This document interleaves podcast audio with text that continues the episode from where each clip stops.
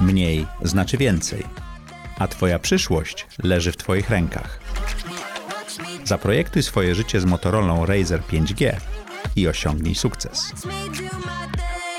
Cześć, jeżeli jesteście głodni albo dawno nie byliście w restauracji, to to jest odcinek dla Was. Paweł Świadczyński, twórca Restaurant Weeka, obecnie twórca Restaurant Clubu, opowiada o tym, jak zrobił biznes na studiach. Trochę przypadkiem, pracując w restauracjach, próbując zarobić na życie w Kopenhadze, wymyślił super biznes, poszukał wspólnika, zro zrobił cały proces szukania wspólnika, znalazł go, zrobił MVP, czyli test, na którym od razu zarobił pieniądze i potem ruszył z biznesem do tego stopnia, że miał bardzo trudną życiową decyzję, którą podjął i zostawił studia, żeby prowadzić biznes. Biznes, który urósł do 15 milionów złotych, e, kilkudziesięciu e, pracowników, biznes, który zderzył się z pandemią, ale ją przetrwał. To jest historia młodego, niesamowicie poukładanego, rozważnego przedsiębiorcy, który potrafi ją pięknie opowiedzieć. Zapraszam Was na tę rozmowę. Zaprojektuj swoje życie.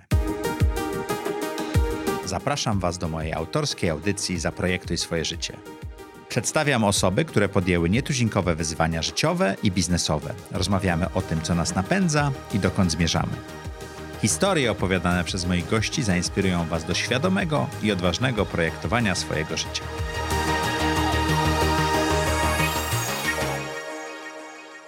Cześć, witajcie w kolejnym odcinku audycji Zaprojektuj swoje życie. Jak co tydzień w czwartek o czwartej mamy dla Was interesujących gości. Ja jestem Maciej Filipkowski i zapraszam Was bardzo serdecznie do tego odcinka.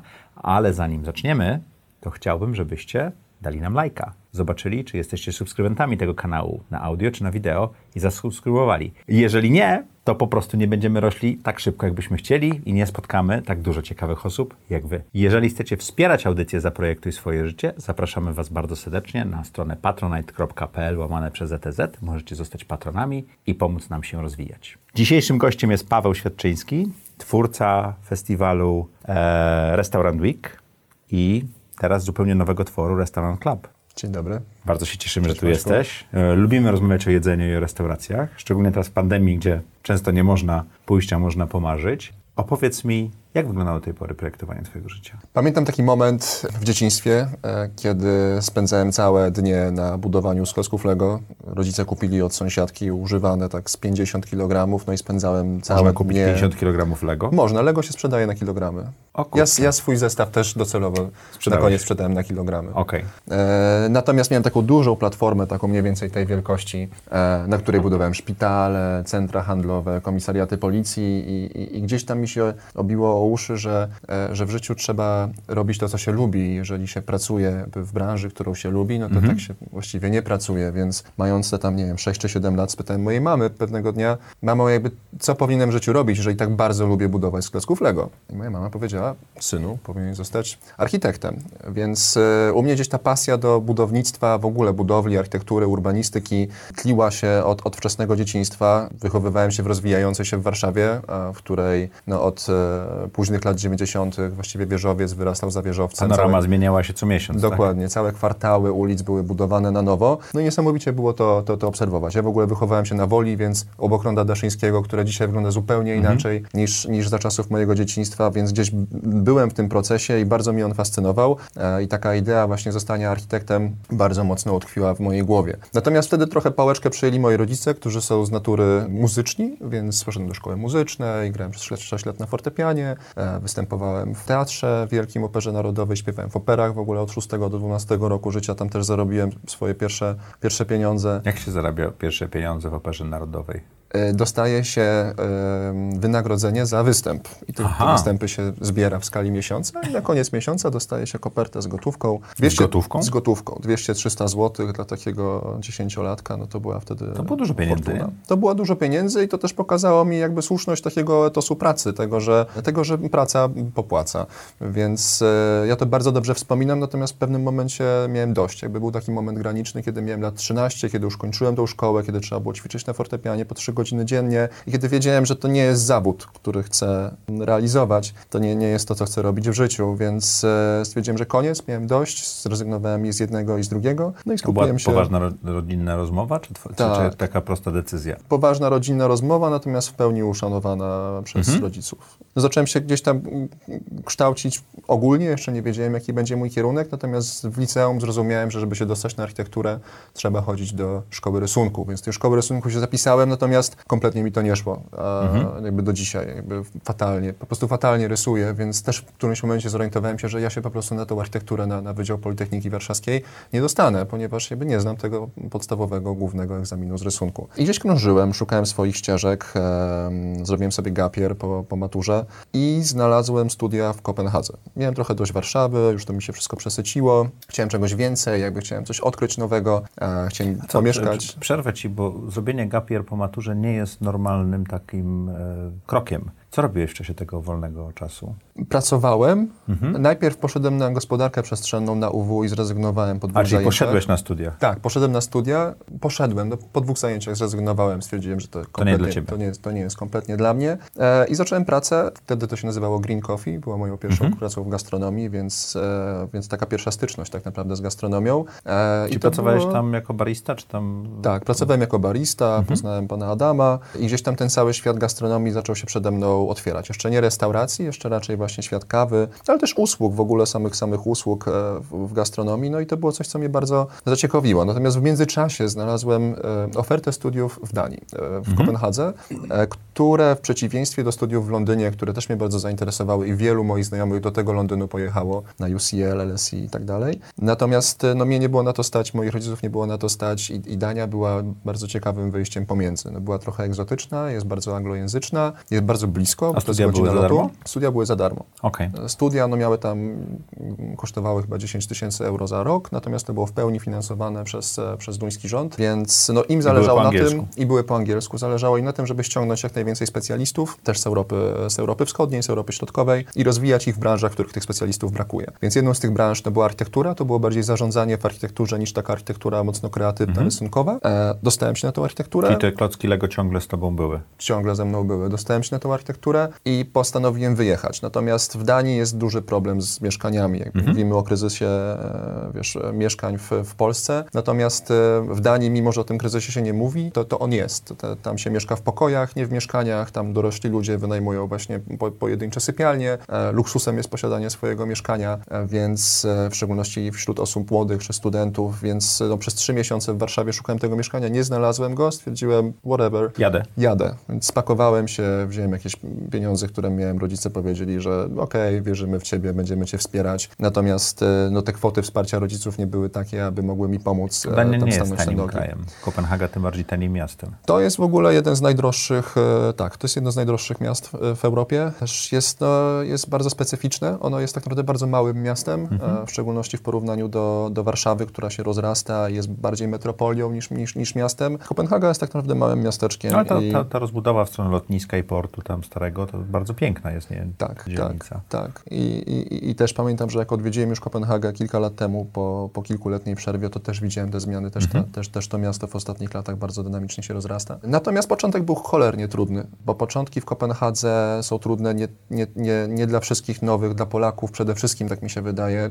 Dania jest bardzo zamkniętym społeczeństwem i, mm, i wielokrotnie powielane są stereotypy w ogóle o Polakach, którzy przyjeżdżają do Danii, o imigrantach zarobkowych, więc, e, więc to był bardzo trudny czas, bo w hostelu dla polskich robotników i cały czas starałem się stanąć na nogi. Poszedłem na te studia, to było ciekawe, jakby to było coś, co, co, co mnie motywowało i co mnie ciągnęło, jakby aby dalej się w tej Danii rozwijać i starać się tam ustabilizować. Natomiast wszystko wokół tych studiów no, było dla mnie po prostu bardzo, bardzo ciężkie, więc e, w pierwszej kolejności jakby szukałem jakiejkolwiek pracy. E, Zacząłem od sprzedawania wody jeżdżąc na rowerze, potem pracowałem znowu w kawiarni, e, potem pracowałem na zmywaku i od tego zmywaka się trochę wszystko zaczęło, bo to się jakoś zbiegło w czasie się z tym, że udało mi się w końcu znaleźć, znaleźć mieszkanie czy pokój. I w restauracji, w której pracowałem, jakby mm, był taki bardzo rodzinny, kameralny, fajny klimat, więc bardzo ciepło mnie przyjęli. Po tygodniu zrozumieli, że w sumie to, co ja robię na zmywaku, chodź na kelnera. I mówię, no skoro, jeżeli mogę się komunikować tylko po angielsku, no to, to chętnie spróbuję. A tym kelnerem byłem przez trzy miesiące, potem zostałem menadżerem zmiany i bardzo szybko zacząłem w strukturach tej restauracji Brak awansować. duńskiego nie przeszkadzał? Brak duńskiego nie przeszkadzał. No Duńczycy mówią po angielsku wszyscy. Wszyscy Duńczycy mówią po angielsku. Część się nie przyznaje, że mówi po angielsku, ale wszyscy mówią po angielsku od trzyletniej dziewczynki do, Okej. do, do stuletniej emerytki, więc, e, więc komunikacja po angielsku nie jest, nie jest problemem. Jakby też z czasem wielu Duńczyków zauważyło, że no jednak, jednak Dania potrzebuje imigrantów i gdzieś tam muszą zaakceptować. Jakby ten stereotyp zaczął się zmieniać? Trochę tak. Okej. Trochę Który to tak. był rok? To był 2012 rok. W międzyczasie zmieniłem pracę na inną restaurację, najlepszą restaurację e, sushi w Kopenhadze wtedy i też udało mi się tam całkiem sprawnie awansować. Miałem, miałem super e, przełożonego właściciela, który też e, wiele niuansów świata restauracyjnego mi Czyli pokazał. dosłownie od zmywaka y, poprzez zarządzanie zmianą Tak, uczyłeś ciągu- się restauracji, tak? Dokładnie. I to Mhm. wszystko się odbyło tak w ciągu półtora, e, półtora roku. Studiując architekturę. studiując architekturę. W ogóle to, dość, y, to wciąż był ciężki okres, bo u mnie plan dnia czy plan tygodnia wyglądał tak, że ja od poniedziałku do piątku, od 8 do 16 studiowałem. Środa, czwartek, piątek szedłem o 17 otworzyć restaurację, którą zamykałem o północy i o północy szedłem jeszcze na zmianę do baru. Mhm. Y, więc- Żeby dorobić. żeby dorobić. Więc jeszcze była zmiana w barze nocnym do 6 rano, potem w sobotę no spanie przez pół dnia i o 17 znowu ta sama akcja, no i niedziela, no to już jakby kompletny, Byłem kompletny barmanem, zgon. wiem jak to jest, jak na weekend przestawiasz sobie cykl zupełnie, tak? Tak, i przestawienie trybu na weekend jest ok, jeżeli nie ma się nic w tygodniu. Tak. E, a, a jeżeli się ma takie obowiązki w tygodniu, a w szczególności trzeba wstawać na 8 rano na uczelnię, w Danii, w której zawsze pada, zawsze wieje i zawsze pogoda jest taka, że nie chce się wstawać z łóżka, no to, no to, no to, no to było to wyzwanie i, i oczywiście się tam praktycznie wypaliłem. W sensie mm, uzbierałem spory kapitał, który udawało chciałem... ci się oszczędzać? Tak, udawało mi Okej. się oszczędzać, jakby też dlatego brałem te wszystkie prace. Tam stawka godzinowa to było około 100 zł za godzinę, mniej więcej Okej. plus tipy, więc A jeżeli... napiwki były? Tak, napiwki, napiwki też były, więc tych napiwków właściwie drugie tyle można było zrobić. No i te pensje naprawdę dla mnie wtedy w wieku 19 lat czy To było dużo 20 to było dużo pieniędzy. Natomiast jakby 90% tych pieniędzy czy 80% tych pensji odkładałem. Dania mi bardzo otworzyła oczy i, i wydaje mi się, że takim momentem granicznym to, to był okres 6 miesięcy po przeprowadzce I, i, i wtedy sobie uświadomiłem, że nie bez powodu pewnie programy Erasmus trwają 6 miesięcy, bo to jest właśnie taki okres i taki moment, w którym nagle poszerza nam się perspektywa. Chyba każda osoba, Bo która na się... początku jesteśmy gościem, tak? Jest to fascynujące, a Tak. potem zaczynamy rozumieć tubylców, tak? tubylców, jakby kulturę, języki, to, że społeczeństwo działa w inny sposób, że gospodarki działają na różne sposoby, że, że w ogóle świat jest globalny, a nie lokalny tak naprawdę. Więc jakby mieszkając całe życie w Polsce, to była dla mnie no, bardzo ciekawa zmiana, takie absolutne poszerzenie perspektywy i spojrzenie w trochę inny sposób na świat, w którym żyjemy. I zauważyłem też e, różnego rodzaju biznesy, przedsięwzięcia, które w Danii się mają świetnie, w Kopenhadze działają, a na przykład w Polsce ich nie ma, więc to też Na przykład? Wiesz co, pierwszy, pierwszy pomysł, który mi wpadł do głowy, to były, właśnie wpadł do głowy, pierwszy pomysł, który zauważyłem i chciałem go przełożyć na polskie realia, to były popielniczki zewnętrzne dla restauracji, po prostu z reklamą outdoorową zawieszoną na nich. No, co- coś, co znamy pewnie z, toalet i z pisuarów e, w łazienkach, w, w, kin- w kinach czy w centrach handlowych. Natomiast no, to nie było zbyt, zbyt pociągające. Potem, pracując e, w restauracjach, korzystałem też jako menadżer z narzędzi e, różnego rodzaju marketingowych, które miały wspomóc liczbę, wspomóc to, ile osób chodzi do tych restauracji, wspomóc zasięgi tej restauracji, wspomóc wysokość rachunku. No i jednym z takich projektów, które realizowałem wtedy był Copenhagen Dining Week, czyli e, festiwal restauracyjny duński istniejący już od wielu, wielu lat, który obsługiwałem zarówno w jednej, współpracowałem z nimi zarówno w jednej, jak i w drugiej restauracji Po stronie po restauracji. stronie restauracji. To mi pokazało, jak wiele korzyści z tego typu wydarzeń płynie, bo jakby to była praca bardzo ciężka, jakby przez tydzień to było szaleństwo tak naprawdę, jakby musieliśmy dotrudniać stafu, musieliśmy pracować 2-4-7 tak naprawdę w tej restauracji, aby to wszystko dużo więcej osób przychodzi wtedy, tak? Dokładnie. Ale rachunki są mniejsze. Rachunki za jedzenie są mniejsze, ale skala jest większa, plus przez to, że jest więcej osób, to są wyższe rachunki, czy jakby większe przychody na napojach i alkoholach. Festiwale restauracyjne działają trochę jak wyprzedaże w centrach handlowych. Okej. Troszkę jak festiwale filmowe z jednej strony, Natomiast z drugiej strony, jak wyprzedaże w, w, w okresie, okresy wyprzedaży w centrach handlowych, no bo wtedy ceny są niższe, ale przychodzi więcej osób, to wszystko gdzieś tam się, gdzieś tam się wyrównuje i każdy też widzi swoje korzyści, czy, czy rynek zbytu w przypadku wyprzedaży, czy możliwość rozpromowania swojej restauracji e, w przypadku festiwalu restauracji. Dla mnie to było tyle szokujące, że w tej skali zauważyłem, że są osoby, które na przykład nie potrafią, nie wiedzą jak zostawić sztućce po sobie po skończonym posiłku i to było coś, co mnie tak zaintrygowało. Klienci. Klienci, tak, Okej. w sensie goście. To też jest, to też jest ważne i, i też jest częścią dzisiaj naszego języka marki zabronione u nas e, w firmie jest mówienie klienci. Nie mówicie klienci? Nie, to jest, jest ban. Tak, czytałem Twój wywiad, gdzie mówiłeś dużo o języku marki, to jeszcze do tego wrócimy, bo bardzo jestem ciekaw, jak się tworzy język marki i jak to zrobić, ale to zostawmy Jasne. ten temat na chwilę. Opowiadaj tą historię, bo jest fascynująca. Mówiliśmy o Duńczyku, który nie wiedział, jak zostawić po sobie sztućce. O tyle dziwne, że Dania, no, bardzo rozwinięte społeczeństwo, e, najbardziej rozwinięta scena restauracyjna w Europie, no, pewnie gdzieś tam obok Londynu, w Kopenhadze się znajduje. I jak to możliwe, że ktoś nie wie, jak zostawić po sobie sztućce? Więc jakby to mi otworzyło oczy, pozwoliło zrozumieć, że przecież jest, jest cała rzesza ludzi, która po prostu nie chodzi do restauracji. Jakby można A spojrzeć restaurant statystyki Week powoduje, że się ruszą, tak? że się ruszą. To jest i, i w ogóle statystyki, to, to, to było coś, co mnie szalenie zaintrygowało. Spojrzałem w te polskie, okazało się, że ponad poła, połowa Polaków nie chodzi do restauracji, że średnie wydatki gospodarstwa domowego na gastronomię to jest około 2%, średnia europejska to jest około 7%, Grecja, Hiszpania, czyli kraje takie mocno stołujące się, to to nawet 14-15%, więc jakby to mi otworzyło oczy, pokazało, że kurde, jakby w Polsce jest ogromna praca do zrobienia. I to się gdzieś zbiegło w czasie z takimi bardzo częstymi podróżami do Polski, wiesz, Wizer za 70 zł z Malmö, e, 50 minut tak naprawdę jesteś w Warszawie, więc jeżeli mogłem, po prostu w Danii to była tylko praca, to były tylko studia, nie miałem czasu na budowanie relacji, miałem swoich przyjaciół, natomiast gdzieś tam zawsze tęskniłem za rodziną i za, za przyjaciółmi w Warszawie, za tym warszawskim e, życiem, więc raz na 2-3 tygodnie zawsze w Warszawie byłem. I Ale nie na było- weekendy, tak? Na E, weekendy? Właśnie na, week- na weekendy. Jakby Okej. wolałem wziąć wolne w pracy Okej. niż, niż, niż na studiach. E, No też weekendy na, moja rodzina i moi przyjaciele w Warszawie Mhm. mieli mieli wolne i mieli czas. Więc przyjeżdżamy te weekendy i to był taki okres e, bardzo dynamicznego rozwoju Warszawy też po Euro 2012. jakby Kiedy tych restauracji powstało też bardzo dużo. i też dokładnie, kiedy, bardzo, kiedy restauracje otwierały się na każdym rogu, wyrastały jak, jak grzyby po deszczu, więc no jakby patrzyliśmy na bardzo mocno rosnący rynek, z drugiej strony na zmieniającą się kulturę, bo nagle w telewizji zamiast, Magdy, zamiast Big Brothera była Magda Gessler e, i Masterchef, e, nagle wiesz, grupy przyjaciół zamiast rozmów o tym, na jaką premierę filmu poszli, rozmawiają o tym, jakby co nowego w restauracji, w jakiej nowej restauracji byli, jakby jaki nowy szef kuchni się pojawił, wiesz, gdzie grupki chłopaków zamiast pójść na wódkę do parku, szły do restauracji na piwo. Czego Więc- nie było w ogóle 5 lat przedtem, nie? Dokładnie, więc to się bardzo, bardzo dynamicznie zaczęło zmieniać i, i niesamowicie było obserwować ten proces i ja miałem to szczęście, że go obserwowałem właśnie raz na trzy tygodnie. Bo gdybym go obserwował tak codziennie, będąc w tym po prostu, to wydaje mi się, że aż tak bym tej zmiany nie Tak zauważył. jak z gotowaniem żaby, po prostu byś nie zauważył tej zmiany, tak? Dokładnie tak.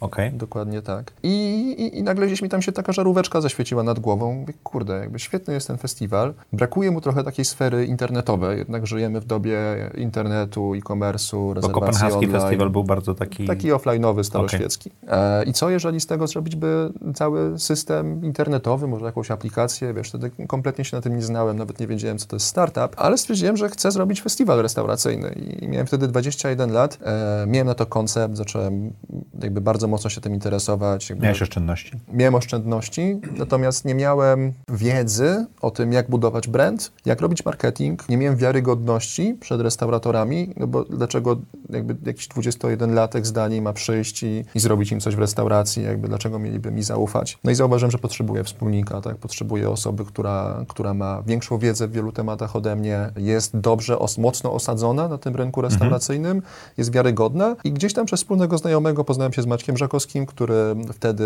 e, o którym wtedy było głośno, bo stworzył restaurację Aioli i kilka innych takich popularnych restauracyjnych konceptów w Warszawie i w ogóle uchodził za speca od, od marketingu restauracyjnego, za którego do dzisiaj go uważam. Uważam, że po prostu jest najlepszą osobą w Polsce od, od marketingu restauracyjnego. Udało nam się spotkać, zaraziłem go tą ideą. A ty go poszukałeś, tak? Ja poszukiwałem wspólnika. A wiedziałeś, że z Maćkiem chcesz porozmawiać? Wiedziałem, że z Maćkiem chcę porozmawiać, mieliśmy wspólnego znajomego, udało nam się spotkać, przedstawiłem mu ten koncept, on powiedział, kurde, no zajebisty pomysł, let's do Okej. this. I tak to się trochę zaczęło. No, no, no, wtedy się Czyli, to, czy, czyli ty y, szukałeś wspólnika, to jest jedno z Szukałem- moich pytań, które tam za tobą wisi. Tak. Jak się znajduje wspólnika. Czyli z misją znalezienia wspólnika chodziłeś Leciałem po rynku, do Warszawy, tak? chodziłem po rynku, tych kandydatur było w mojej głowie kilku, kilka, Mhm. natomiast no Maciek tutaj naj, najlepiej pasował yy, i, no to była najlepsza decyzja, aby zacząć ten biznes robić wspólnie. No, no dzisiaj jesteśmy jak stare małżeństwo, tak naprawdę myślę, że każdy, kto ma wspólnika przez więcej No niż bywa 5 lat, to, Tak, to, to, to bardziej niż małżeństwo wiele osób mówi. Tak? Dokładnie. Znamy się na wylot, jakby rozumiemy się, ufamy sobie i, i, i wiesz, wiele etapów tej relacji przeszliśmy, więc e, no to też, wiesz, wspaniała przygoda tak naprawdę z nim. Bardzo dużo się od niego nauczyłem. Bardzo dobrze się uzupełnialiśmy, do dzisiaj się uzupełniamy w wielu kwestiach, więc e, jak yin yang trochę to zadziałało, Mhm. a z drugiej strony mamy też wspólny background. Chodziliśmy do tego samego liceum, nasi rodzice są dziennikarzami radiowymi, Maciek też studiował w Kopenhadze, jakby też, wiesz... A to było dużo takich punktów zaczepienia, tak? Było to dużo pomogło na początku. zaczepienia. Tak, zdecydowanie. Znaczy, wiesz, to w ogóle z czasem się, z czasem wyszły te rzeczy, tak Aha. naprawdę. Znaczy to, że jego tata jest dziennikarzem radiowym, no to gdzieś tam wiedziałem, bo, bo kto nie wie, natomiast, natomiast więcej rzeczy wyszło, wyszło później i też bardzo fajnie nas gdzieś tam połączyło. Więc jeżeli chodzi o wspólnika, no to tak, udało mi się go zarazić tą, tą, tą ideą i zaczęliśmy działać. Z mojej strony, no ja chciałem zbudować festiwal restauracyjny, miałem na to swój pomysł. Maciek tworzył restaurację, ale on też bardzo chciał stworzyć coś, co ma wpływ, im, taki impact społeczny, jakby wpływ na społeczeństwo. Jakby na restaurant Weeka idzie 120 tysięcy osób. To jest jakby największe biletowane wydarzenie Polsce? w Polsce. To być może raz, z Open Airem sobie czasem kon- konkurujemy. I, 120 tysięcy osób? tak.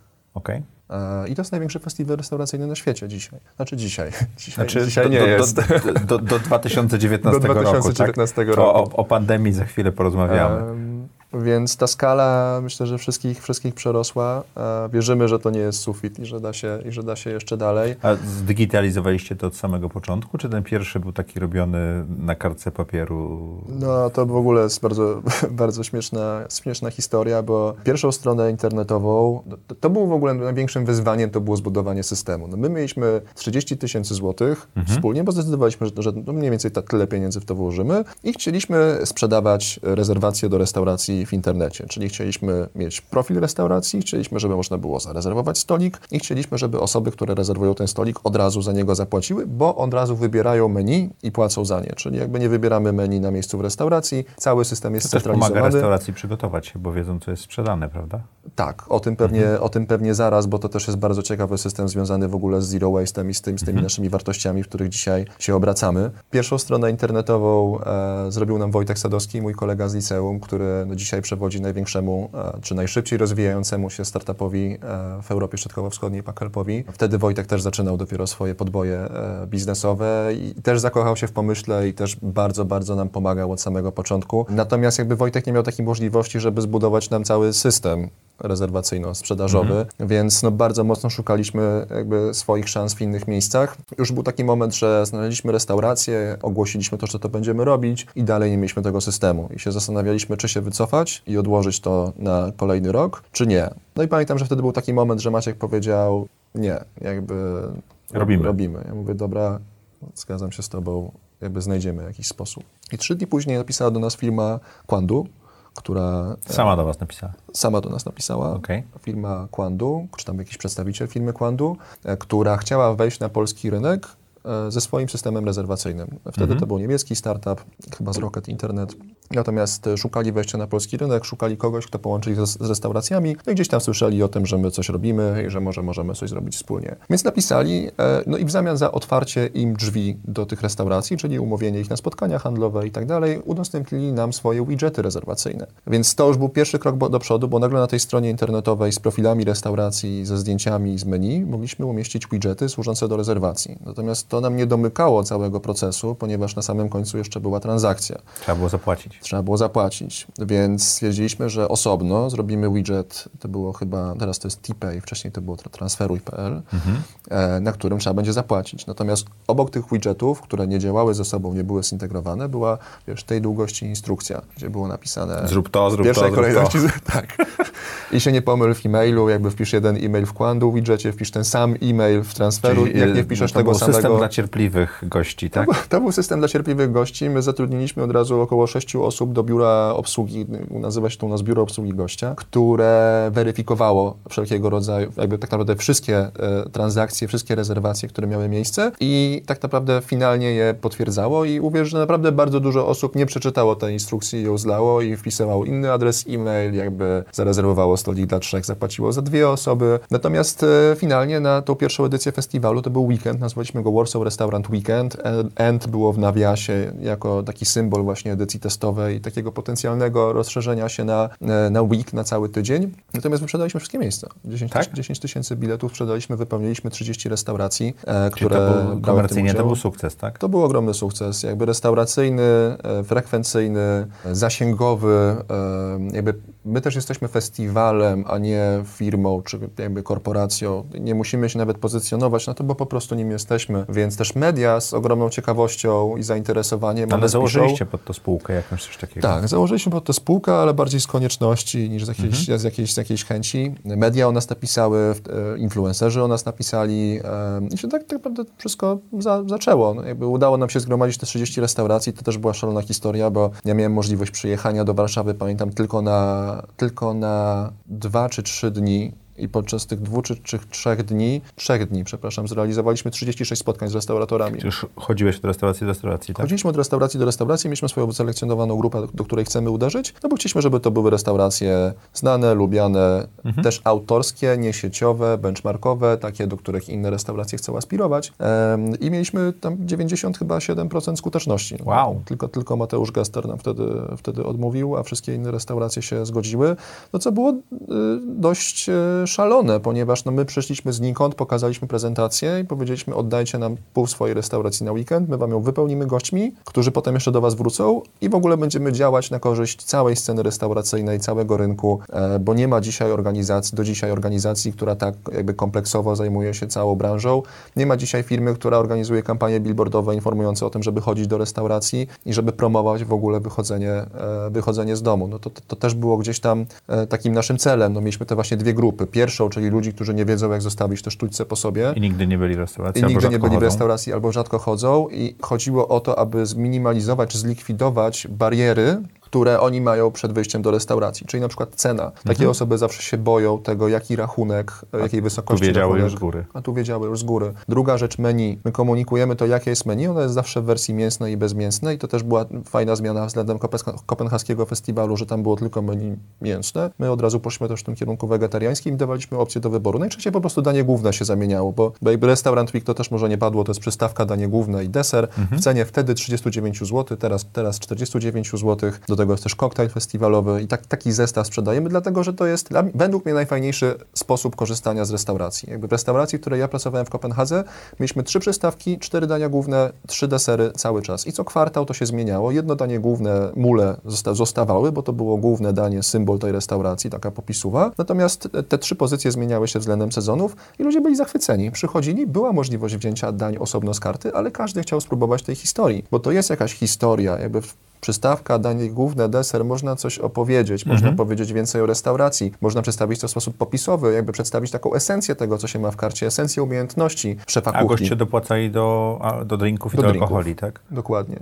Więc mamy to menu na stronie i ono jest opisane. E, tam są zdjęcia, więc też nie ma tego wstydu chyba, że jak przyjdziemy do restauracji, to czegoś nie zrozumiemy. Nie zrozumiemy jakiegoś składnika, sposobu przygotowania, sposobu gotowania, e, więc e, no można to od razu zobaczyć na stronie, zgooglować sobie w karcie obok i być pewnym Jakie tego, co to było wybiera. wrażenie po tym weekendzie w nawiasie z Endem? W poniedziałek, jak to się już zamknęło wszystko i wiedziałeś, że jest. Jak, jak, jak, jak się czułeś? Poczułem, że zmienia się moje życie. Poczułem, że to być może jest kierunek, który warto rozwijać, który jest gigantyczny potencjał, też skalowania na cały tydzień, na inne miasta, na inne kraje. Ziarno zostało zasiane e, i, i, i czułem, że to jest to. Jakby moja intuicja nie zawiodła mnie co do tego projektu i znowu czułem ją po tym projekcie, że warto to kontynuować, natomiast jakby dalej miałem swoje studia w I Kopenhadze. wróciłeś na studia. Swoją pracę w Kopenhadze, Jak gdzie wróciłem. siedziałeś, jak siedziałeś w, e, za tą ławką e, na sali wykładowej, to co, co się działo w twojej głowie tym pierwszym tygodniu po... Mailowałem na temat rozwoju Aha, czyli siedziałeś zamiast słuchać wykładu. Tak, oczywiście. Ja już, byłem, już w ogóle nie byłem To zainteresowany. ziarno nie dość, że było zasiane, to już wykiełkowało i, Tak. i ten. Tak, Skończyłeś studia? Nie. Okej. Nie Czyli skończyłem ta, tych ener- studiów. ta energia tego sukcesu poniosła cię. Tak, nie skończyłem tych I to studiów. jest dobre czy złe? Wiesz co, to jest dobre. To jest, e, masz takie pytanie o najważniejszą decyzję? Najlepszą decyzję. najlepszą tak? decyzję, no to myślę, że tu jest, tu jest ta decyzja, przed którą zostałem postawiony w sytuacji, w której no niestety nasz partner biznesowy e, skopiował nasz pomysł jeden do jeden. Mhm. Po trzech miał, miesiącach. Po trzech miesiącach miał dużo większe doświadczenie biznesowe, Mhm. dużo większe znajomości, możliwości, finansowanie i widział też w nas jakąś taką słabość. Jakby, no Maciek jest ode mnie 9 lat starszy, ja miałem wtedy 22 lata, natomiast no jakby to był nasz pierwszy biznes, jakby Mhm. my się zachowywaliśmy jak totalne gnojki wtedy w tym biznesie, więc jakby łatwo było odnieść wrażenie, że to są jakieś chłopaczki, których można szybko od tego odsunąć i bardzo szybko odpuszczą i wrócą do robienia swoich codziennych obowiązków, a, a tutaj ktoś przejmie jakby fajny kawałek tortu i jakby fajny pomysł, który, który świetnie, świetnie wypalił i miał ogromny potencjał na rozwój. I musiałem podjąć decyzję, czy wracam do Warszawy e, i stawiam wszystko na jedną kartę, czy olewam tego restaurant weeka e, i po prostu kończę studia. I to było na szóstym semestrze z siedmiu, więc już gdzieś tam na Blisko koniec, do końca. blisko do końca ciężkich studiów. Dzwoniłem się z rektorem i powiedziałem mu, jaka jest sytuacja i poprosiłem o, o urlop e, półroczny albo roczny. I opowiedziałem mu też historię. Stwierdziłem, że ta historia go zaciekawi i jakby będzie dla mnie łaskawy i da mi ten urlop. Nie był? On powiedział, słuchaj, no mało mnie to obchodzi. Jakby my tutaj cię nie ściągnęliśmy po to, żebyś ty robił biznesy w Warszawie. Jakby my cię tu ściągnęliśmy po to, żebyś się wykształcił, pracował w Danii, zwrócił koszt studiów w podatkach i specjalizował się w tym, co masz się, w tym czym masz się specjalizować. No Więc nie, nie dostaniesz tego urlopu, chyba że spełnisz dwa warunki. Możesz być na przykład chory na raka. Jesteś? Nie. Albo y, w momencie dostania otrzymania powołania do wojska. Ja się strasznie wkurzyłem. e, Czyli to nie była miła rozmowa. to nie była w ogóle miła rozmowa. Ja się strasznie wkurzyłem. Eee, No i miałem tą trudną decyzję do podjęcia. To myślę, że za dwa, trzy dni myślałem i, i wiedziałem, że po prostu czas zrezygnować z tych studiów, spakować walizki, wrócić do Warszawy i, I bronić stan- i stanąć do walki. No.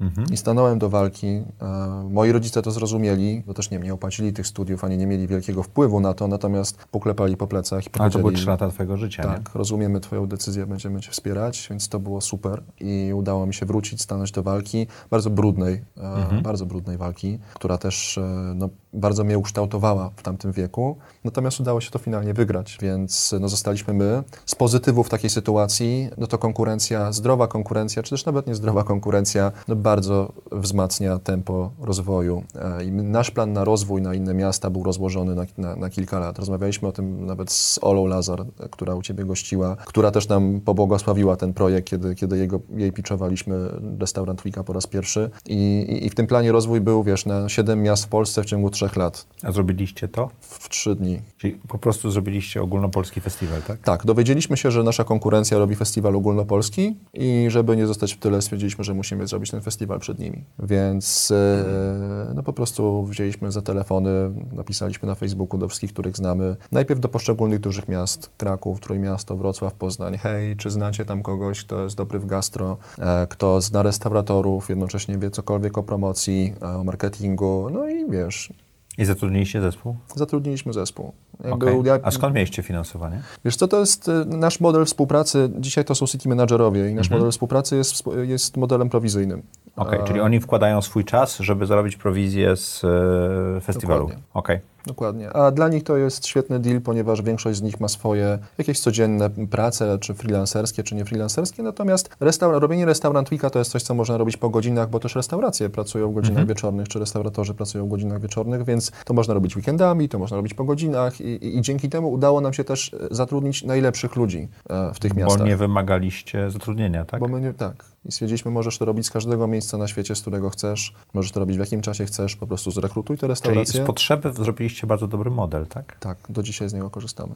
I ci sami ludzie ciągle pracują, których wtedy rekrutowaliście? Tak, Zostali? tak. Okej. Kilku city managerów pracuje od pierwszego Restaurant Weeka do dzisiaj. Cześć, część restauracji z tych 30, które brały udział w pierwszym Restaurant Weekendzie do dzisiaj jest z nami. Więc e, to jest w ogóle super wartość. No, te, te relacje, które udało nam się zbudować, jesteśmy po prostu bardzo też, bardzo też relacyjni i szukamy, chyba szukamy korzyści u wszystkich interesariuszów, u, u, u wszystkich stron projektu, bo mamy taką filozofię win-win, win-win tak naprawdę. I każdą współpracę też, jaką podejmujemy z restaur- w Restaurant Weeku, jakby każdy nowy pomysł, jaki rozważamy, on musi mieć pozytywny wpływ na każdą ze stron. Na restaurację, na gości, na partnerów, na nas. Jeżeli ta układanka się złoży, no to działamy. W 2019 roku to było 15 milionów złotych i 40 osób, które z, z Wami pracowało, jeżeli Tak, dobrze pamiętam. 40 w szczycie, myślę, że nawet 50-60. A jak to się zmieniło w 2020 roku z pandemią? Jak bardzo zmieniliście swój model? W marcu to był chyba 13 piątek, o ile dobrze pamiętam.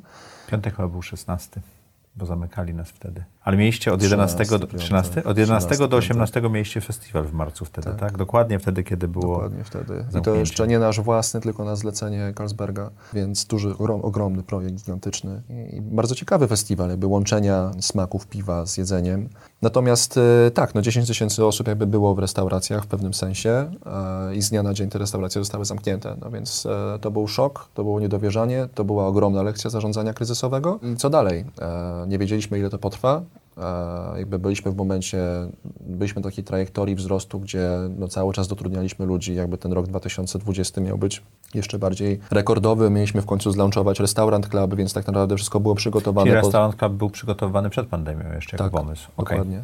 I był tak, przygotowywany był przed pandemią, miał się zlaunchować w 2020 roku, więc e, no to miał być dla nas bardzo ważny rok, najważniejszy tak naprawdę z dotychczasowych sześciu, e, a okazał się najtrudniejszym. E, No bo kolejny kryzys nas dopadł, zamknięto restaurację, zabroniono nam naszej pracy stacjonarnej. Co zrobiliśmy? W ciągu tygodnia zrobiliśmy pivot w kierunku delivery e, i zrobiliśmy festiwal dostaw. E, Nie mamy technologii, nie bylibyśmy w stanie zbudować technologii takiej jak Volt, Uber, natomiast jakby uderzyliśmy w nasze grono restauracji, czyli restauracje niezależne, autorskie restauracje, które właśnie są takie dine-inowe, a nie, e, nie deliverkowe, które no, zaczęły mieć jeszcze większy problem, no bo te, które mają pizzę i burgery, no to mogły część obrotu łatwo. generować z powrotem z Ale tego. zajęliście się dostawami, czy restauracje się tym zajęły? Restauracje się tym zajęły. Okej. Wielu kelnerów tak naprawdę się jakby zmieniło swój zawód z kelnera na, Dostawca. na dostawcę. Więc wykorzystywano kelnerów, wykorzystywano osoby, które, które pracowały jako staw w restauracji do tego, aby dowozić te posiłki. E, no i zorganizowaliśmy jedną wielką akcję pomocową. Więc samo tempo w ogóle tego projektu było imponujące, bo w dwa tygodnie udało nam się zarówno zmienić nasz system, e, jak i stworzyć brand, komunikację, pozyskać partnerów i tak dalej. E, no jak i skala zamówień też, też, też gdzieś tam przerosła nasze oczekiwania. Całe szczęście w maju się to skończyło i wróciliśmy do stacjonarnego działania. Natomiast to był tylko sezon. Sezon, z którego wycisnęliśmy tyle, ile się da. Sezon, gdzie wierzyliśmy, że drugiej fali nie będzie, że tak, afirmowaliśmy sobie to, że jej nie będzie, a je, znaczy może nie inaczej, nie, że jej nie będzie, tylko że restauracje nie zostaną zamknięte, że gospodarka nie zostanie tak zamknięta jak przy pierwszej fali. No i sobie zjedliśmy na tym zęby bardzo mocno. Natomiast środki, które udało nam się wygenerować w tym sezonie, Po, pozwoliły wam przetrwać, tak? pozwalają nam do dzisiaj ósmy miesiąc przetrwać. Kształt zespołu zmniejszył się o 20%. O 20% też mamy zmniejszony czas pracy. E, Pracujemy na 4 piąte etatu, piątki mamy wolne. To też w ogóle jest ciekawy model do testowania tak naprawdę. W Ale zmniejszyliście zarobki te 20% osobom Tak. też? Okej, czyli tak, takie zrozumienie w zespole było? Tak. Okej. Zdecydowanie. E, Było zrozumienie w zespole. E, My mamy zespół, w którym staramy się rozwijać bardzo rodzinną atmosferę i i to, to, to, to się działo od, od, od dnia pierwszego. Jakby ja staram się uczestniczyć w każdym procesie rekrutacyjnym, znać każdą osobę, z którą pracuję. Jesteśmy bardzo relacyjni, bardzo dbamy e, o nasze środowisko, wychodzimy razem do restauracji, spotykamy się bez przerwy w biurze. Mamy zaufanie do siebie i odnoszę wrażenie, że moi pracownicy i współpracownicy darzą też mnie zaufaniem na tyle, że jeżeli mówię im, słuchajcie, to jest nasz wspólny problem, jeżeli zgodzicie się na to, aby e, zmienić swój czas pracy i wynagrodzenie o 20%, to gwarantuję Wam, że zrobię wszystko, co w mojej mocy, abyśmy ten kryzys przetrwali i abyśmy doszli do momentu ponownego odmrożenia, a potem zrobię jeszcze więcej, żebyśmy jak najszybciej wrócili na starą trajektorię wzrostu. Okej. I to się spotkało ze zrozumieniem Wszystkich? wszystkich. No musieliśmy, musiały nastąpić pewne zmiany personalne, e, natomiast mogę powiedzieć, że znakomita większo, większość zespołu pozostała w, nie, w niezmienionym kształcie. To czym jest Restaurant Club teraz? Restaurant Club to z jednej strony marka parasolowa nad wszystkimi naszymi festiwalami, ponieważ to nie jest tylko I restaurant. Week. zarówno dostaw, jak i... Jak i... Tak, z dostawami, wiesz co, teraz robimy dostawy, natomiast nie, nie, nie chcemy ich robić. To nie jest nasz rynek, to nie jest nasza bajka, jakby... Mhm. To jest raczej potrzeba chwili, To tak? jest potrzeba chwili. E, Ale mamy festiwal Fine Dining Week, festiwal kuchni premium, e, festiwal, który gościł najlepszych szefów kuchni w Polsce. Mhm. E, Też jakby fascynujący projekt, który realizowaliśmy od czterech lat. Ten Beer Food Week, mieliśmy, mamy World Class Cocktail Festival, czyli taki międzynarodowy festiwal koktajlowy, który organizujemy, gdzie sprzedajemy koktajle w internecie. Jak bardzo dziwnie to nie brzmi. e, Czyli mogę pójść do baru i wiem, jakiego drinka dostanę, tak? Dokładnie. Okej. a, a, a bar i nasz partner otrzymuje pełną analitykę tego, co ludzie zamawiają. I w ogóle no, pobudzamy, stymulujemy tak naprawdę tą scenę koktajlową, która no, bardzo fajnie się rozwinęła ostatnio, natomiast dalej w Warszawie jakby wymaga promocji. Jakby My jako restaurant potrafimy na całą, na całą Polskę, ogólnopolską promować inicjatywy kulinarno-gastronomiczno-koktajlowe. No i tutaj też tym się zaj- Czyli wy jesteście ramieniem marketingowym dla restauracji w pewnym sensie, tak? My dostarczamy. Marketingowo-sprzedażowym. Tak, marketingowo-sprzedażowym. sprzedażowym. My, my, my dostarczamy gości w formule success fee. E, Mhm. Jeżeli dostarczymy gościa, to pobieramy za to drobną opłatę. E, Jak I jesteśmy drobną? 20%. Okej. E, I jesteśmy narzędziem marketingowym zarówno dla pojedynczych restauracji, jak i dla całej branży, bo, bo, bo kampanie, które organizujemy, docierają do 7-8 milionów osób. Każda kampania Restaurant Weeka ma jakiś temat. Temat edycji to jest w ogóle jedna z bardziej ciekawych rzeczy, które robimy. Mieliśmy temat, tematy o towarzyskości, tematy o, o, o kwitnącej scenie restauracyjnej, gdzie podkreślaliśmy to, jak bardzo rośnie scena restauracyjna w Polsce. Mieliśmy temat o towarzyskości, w którym mówiliśmy, że czasem jest, na podstawie badań oczywiście, że czasem zdrowie jest zjeść burgera z kolegą niż sałatkę samemu. E, towarzyskość to jest też coś, co nas definiuje tak naprawdę od samego początku, bo nie możesz zrobić jednoosobowej rezerwacji na Restaurant Week. Te rezerwacje Nie zaczynają możesz? się od dwóch osób. Okej. Ogromna presja tak naprawdę na nas ciążyła. Wiele osób pisało, wiele osób się żaliło. Nigdy nie ulegliśmy tej presji. Zostawiamy dwie osoby, no bo to jest festiwal spotykania się przy stole, to jest festiwal towarzyskości. Uważamy, że jednym z powodów tak niskiego poziomu kapitału społecznego w Polsce jest to, że ludzie nie chodzą do restauracji, nie spotykają się przy tym stole, nie gadają, nie obgadują swoich spraw. E, I rzeczywiście, jeżeli się pogłębie, po, pogrzebie, przepraszam, głębiej w Eurostacie, e, no to widać taką e, trochę może dziwną korelację pomiędzy częstotliwością chodzenia do restauracji w konkretnych krajach, a na przykład poziomem deklarowanych e, przyjaciół, czy, czy właśnie poziomem kapitału społecznego, więc I to, e, jest- korelacja? jest korelacja. Dlatego jakby naszą taką, naszym fundamentem jest towarzyskość i uważamy, że w ogóle restauracje bardzo mało są o jedzeniu. One oczywiście są o jedzeniu, ale one są też o atmosferze, o obsłudze, o wnętrzu, o muzyce, O o, lokalizacji, a przede wszystkim o spotkaniu przy stole, o tym stole, który, który łączy ludzi, więc często o tym mówimy. Cały 2019 rok był u nas pod znakiem e, zero waste, a bardziej pod znakiem marnowania żywności, które jest gigantycznym problemem, ponieważ marnujemy ponad jedną trzecią produkowanej żywności Mieliśmy na świecie. gościa, który nam opowiadał o tym, jak można No to nie będę w takim razie o tym, o tym, Sztuba, tak o, o mówił tym, o tym tak. mówił. Problem jest, problem jest duży i wymaga uświadamiania, więc bardzo dobrze, że taki gość się w tej audycji pojawił i o tym mówił. Natomiast nasz system od samego początku służy temu. I to jest No bo wiadomo, co będzie zamówione, prawda? Dokładnie. I nie możesz zrobić rezerwacji same day, więc... Nie możesz. Nie możesz. Zamykamy, zamykamy o 20 na następny dzień, wysyłamy listę gości wraz z listą menu do restauracji, przez to restauracja wie, ile dokładnie składników zamówić na I następny może dzień. następnego dnia spokojnie zrobić zakupy, tak? Czy tam wieczorem tak, wieczorem robi dzień? zamówienie na następny dzień i przyjeżdża dokładnie taka ilość składników, jaka jest, jaka jest zamówiona. Mówi, m- pytałem Cię o ten język marki, o którym już wspominałeś, pisałeś, e, pi- napisane było w wywiadzie Twoim, e, w mojej największej konkurencji, czyli w Forbesie, jak ja, jak ja ich definiuję.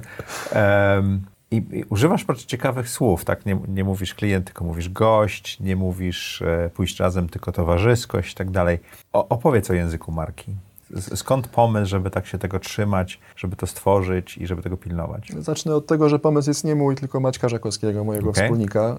E, natomiast e, bezpośrednio się z tym identyfikuję, ponieważ zauważyłem, w sumie zaufałem Maćkowi w tej kwestii i to wymagało zaufania, bo to są rzeczy nowe, trudne do zrozumienia, często też gdzieś tam nie w pełni zgodne z zasadami języka polskiego. E, No, kelner, restaurator, pisaliśmy, do dzisiaj piszemy wielkimi literami w naszej komunikacji, jakby podkreślając po prostu wagę tego. Natomiast, wiesz co, branża restauracyjna to jest w ogóle bardzo trudna i ciekawa branża, bo każdy restaurator jest inny, każdy jest indywidualistą, każdy jest trochę szalony na swój sposób i to są osoby, z którymi trzeba umieć rozmawiać, gdzie jeżeli nie masz backgroundu restauracyjnego, to po prostu cię często signorują. Do takich restauracji, wiesz, dzwoni 5-7 telefonów dziennie ludzi, którzy chcą im coś sprzedać i oni wszyscy mówią kontrahent, klient, lokal, a my mówimy restauracja, szef kuchni, restaurator, Gość. gość. W ogóle nie używamy słowa klient, jest zabronione w naszej firmie, więc Jest zabronione. jest zabronione. Nie ma kar, ale też Ale rozumiem, że ani restaurator, ani gość nie są klientem. Są restauratorem i gościem, tak? dokładnie. Nie ma też, my też jesteśmy trochę agencją. Mówię trochę, bo jesteśmy festiwalem i naturalnie mamy swoich partnerów komercyjnych czy sponsorów, takich jak Coca-Cola, Bacardi Martini, Diageo, Citibank i, i, i, i całe, nawet Samsung chyba też był kiedyś. Więc, więc pracujemy, pracujemy z markami, które w świecie agencyjnym zostaliby nazwani, zostane, zostałyby nazwane e, klientami u nas są partnerami i tego też się bardzo, bardzo mocno trzymamy. Więc nomenklatura, języ, zarówno w firmie wewnętrzna, jak i zewnętrzna, to jest coś, co nas definiuje, identyfikuje, wyróżnia i, i po prostu pokazuje siłę naszej marki. Co dalej z e, Twoją firmą i z rynkiem restauracyjnym? Bo pandemia jest z nami już rok, będzie jeszcze pewno kilka lat w takiej czy w innej formie. Te fale będą przychodziły coraz słabsze i zmieniały się. Ostatnio czytałem badania, że do 2024 roku prawdopodobnie jesteśmy w takich przychodzących i odchodzących falach, co najmniej. Co dalej z Twoją firmą i co dalej z rynkiem? Planujemy ten rok w dwóch perspektywach. Pierwszej to sezonowej, e, czyli takiej, w której... Czyli, że lato będzie podobnym sezonem jak w zeszłym roku, Dokładnie. tak? Czyli takie, gdzie, gdzie em, otwieramy, gdzie restauracje otwarte są gdzieś pomiędzy 10 a 20 maja. Tak szacujemy. W czerwcu realizujemy Restaurant Weeka i potem szereg innych festiwali i naszych em, takich najbardziej zasięgowych, rozpoznawalnych, też dochodowych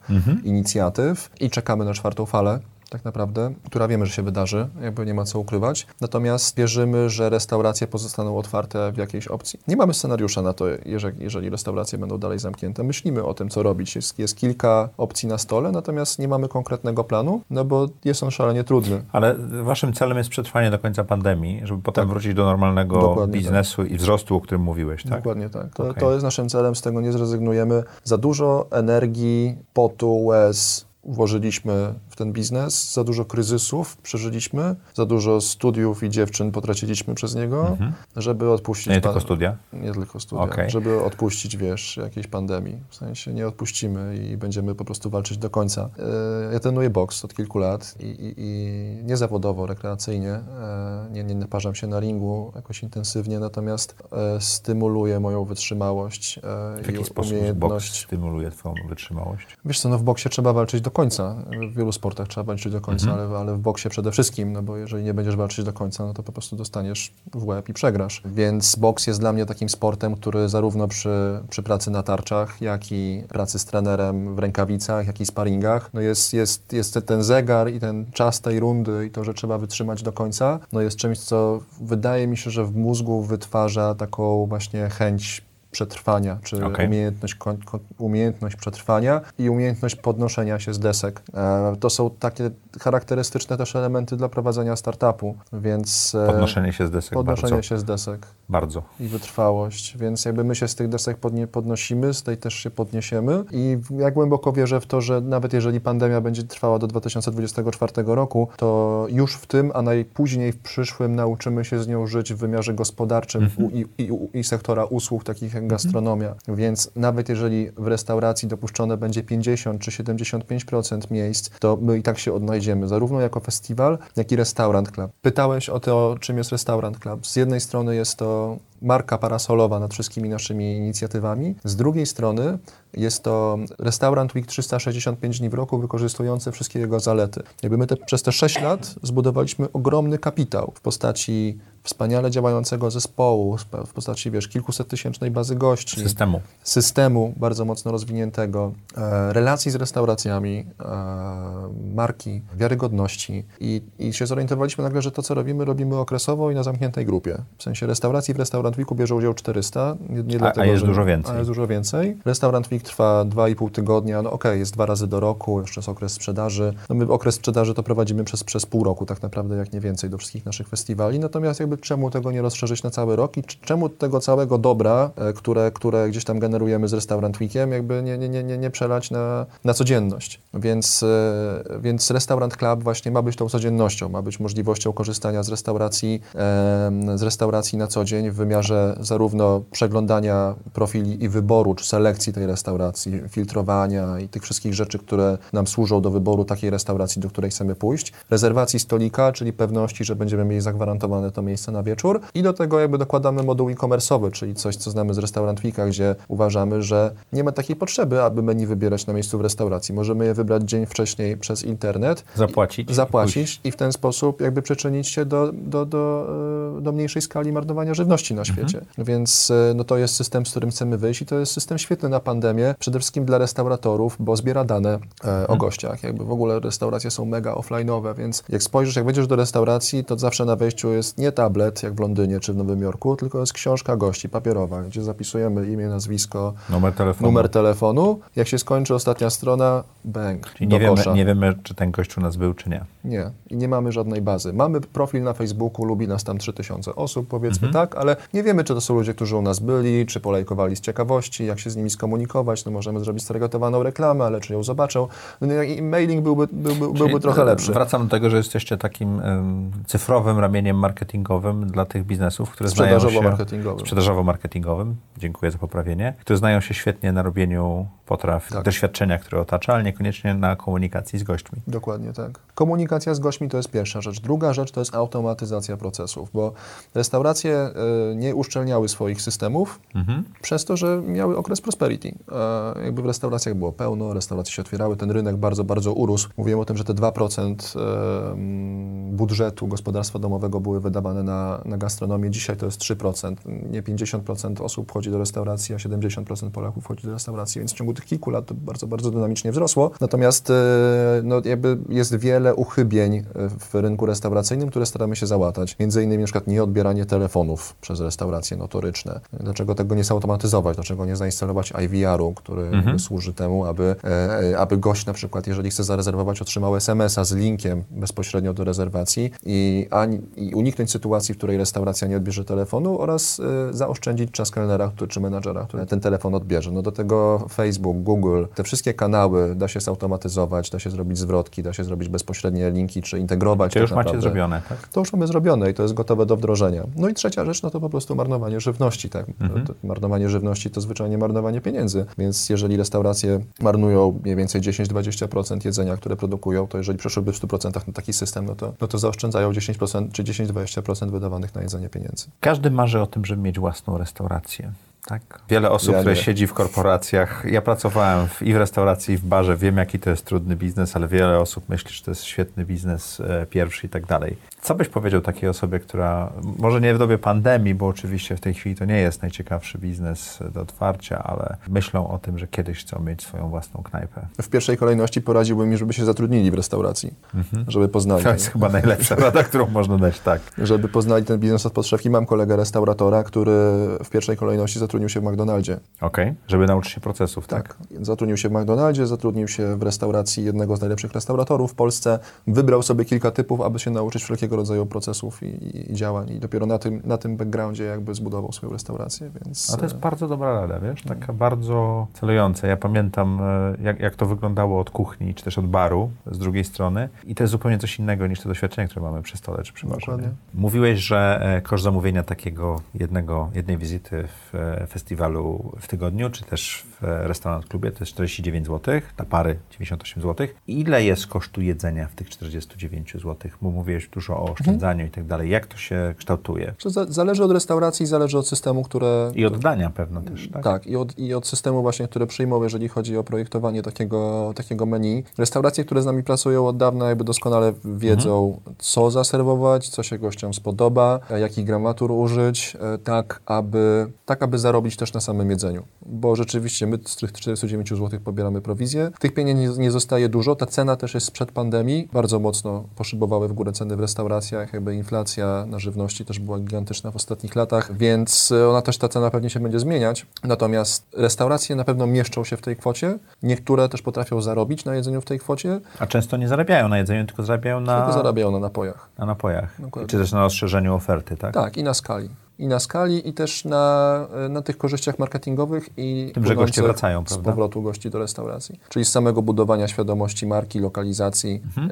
E, wiesz, na taką stronę wejdzie kilka milionów osób, jakby przewiną te profile restauracji. Ludzie średnio spędzają 6 minut u nas na stronie. 6 minut to Tak. całkiem niezły wynik. Więc oni po prostu przeglądają restauracja po restauracji, tak? Mhm. Wysyłają menu koleżance i się umawiają. Otwierają sobie 10 kart w przeglądarce i po prostu oglądają restaurację. Więc nawet jak do jakiejś nie pójdą, to ją To zauważą. Tak, to ją zauważą. To rzeczywiście ma sens. Pawle, w audycji Zaprojektuj swoje życie jest taki moment, że zaczynamy zadawać pytania. Ty już e, parę tych pytań uprzedziłeś. Zresztą moje pytania dotyczące twojej historii też musia, nie, nie, miałem powodu, żeby ich zadać. Mówiłeś już o swojej najlepszej decyzji, to było bardzo ciekawe. Czy jest coś, co mógłbyś przestać teraz robić, co podniosłoby tobie satysfakcję, czy też e, poprawiło twoje samopoczucie? Zresztą myślałem o tym wczoraj wieczorem, jak czytałem pytania i, i kompletnie mi nic nie, A twoje życie jest takie minimalistyczne? nie przyszło do, do, do głowy. Wiesz, jeżeli miał, mógłbym coś, coś przestać robić, to chciałbym przestać żyć biznesowo tak jak teraz żyję, ściśnięty w pandemii i wrócić po prostu na pełne wody.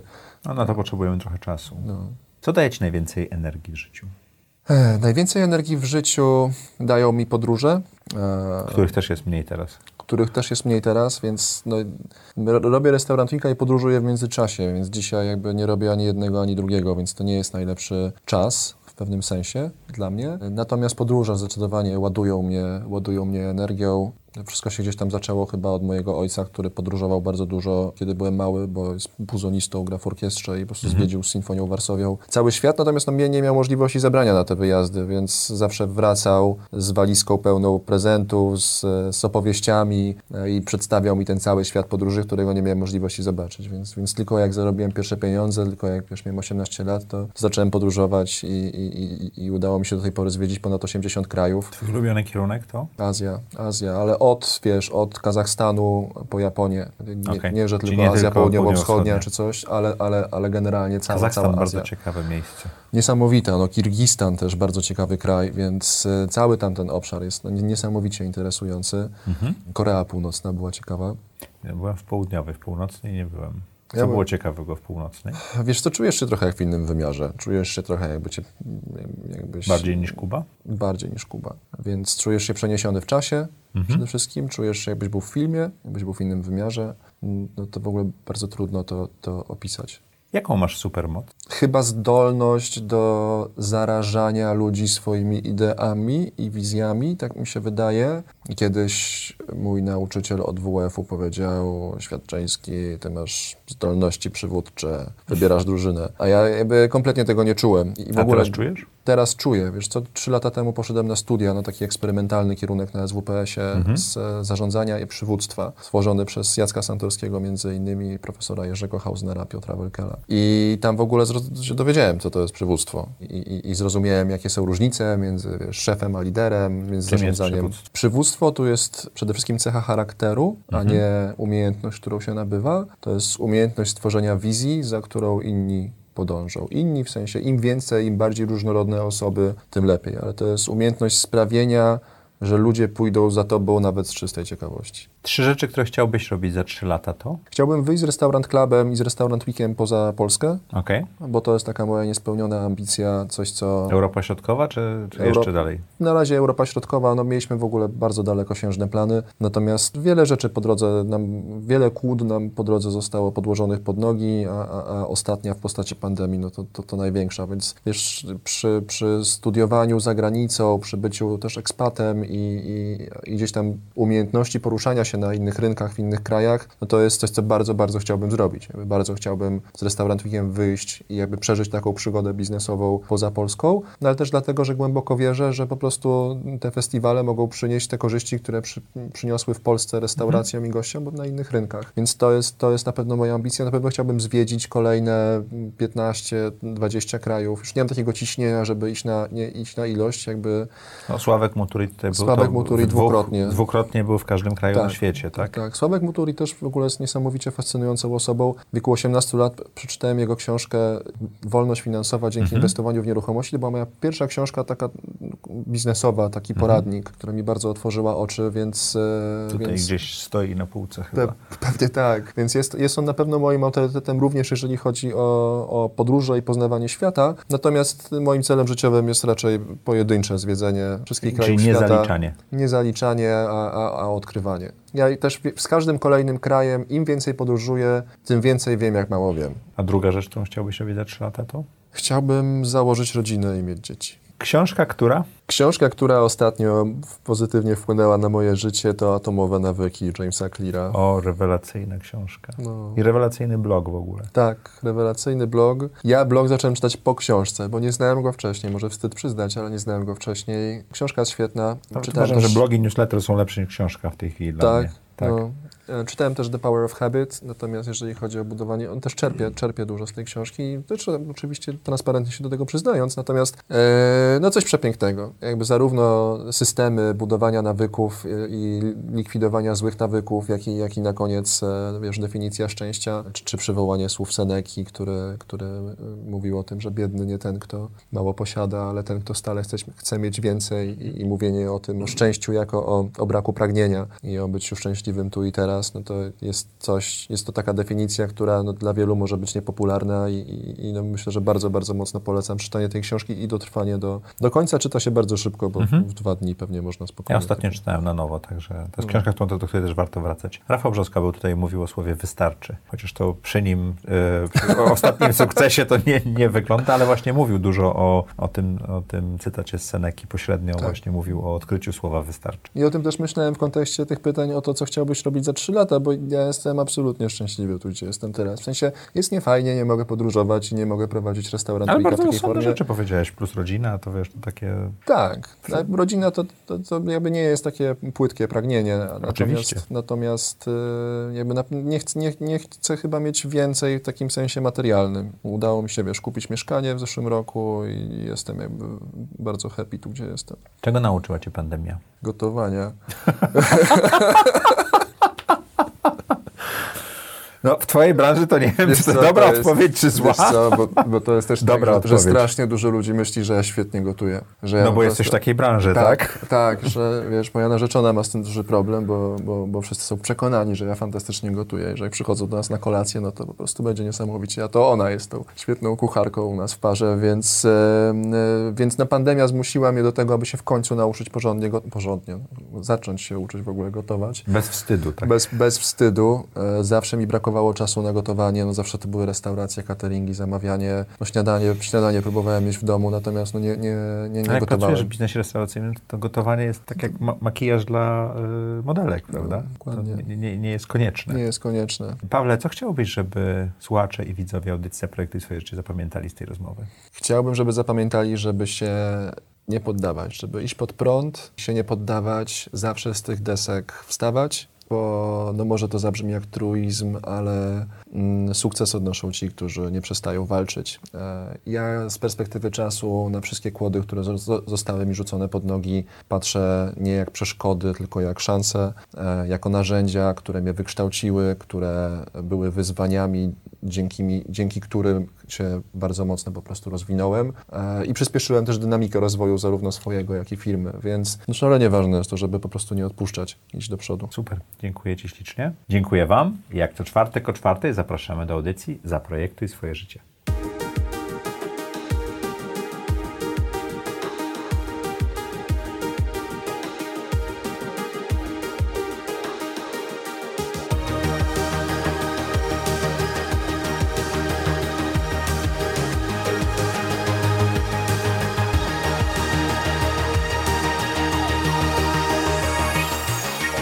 Zaprojektuj swoje życie.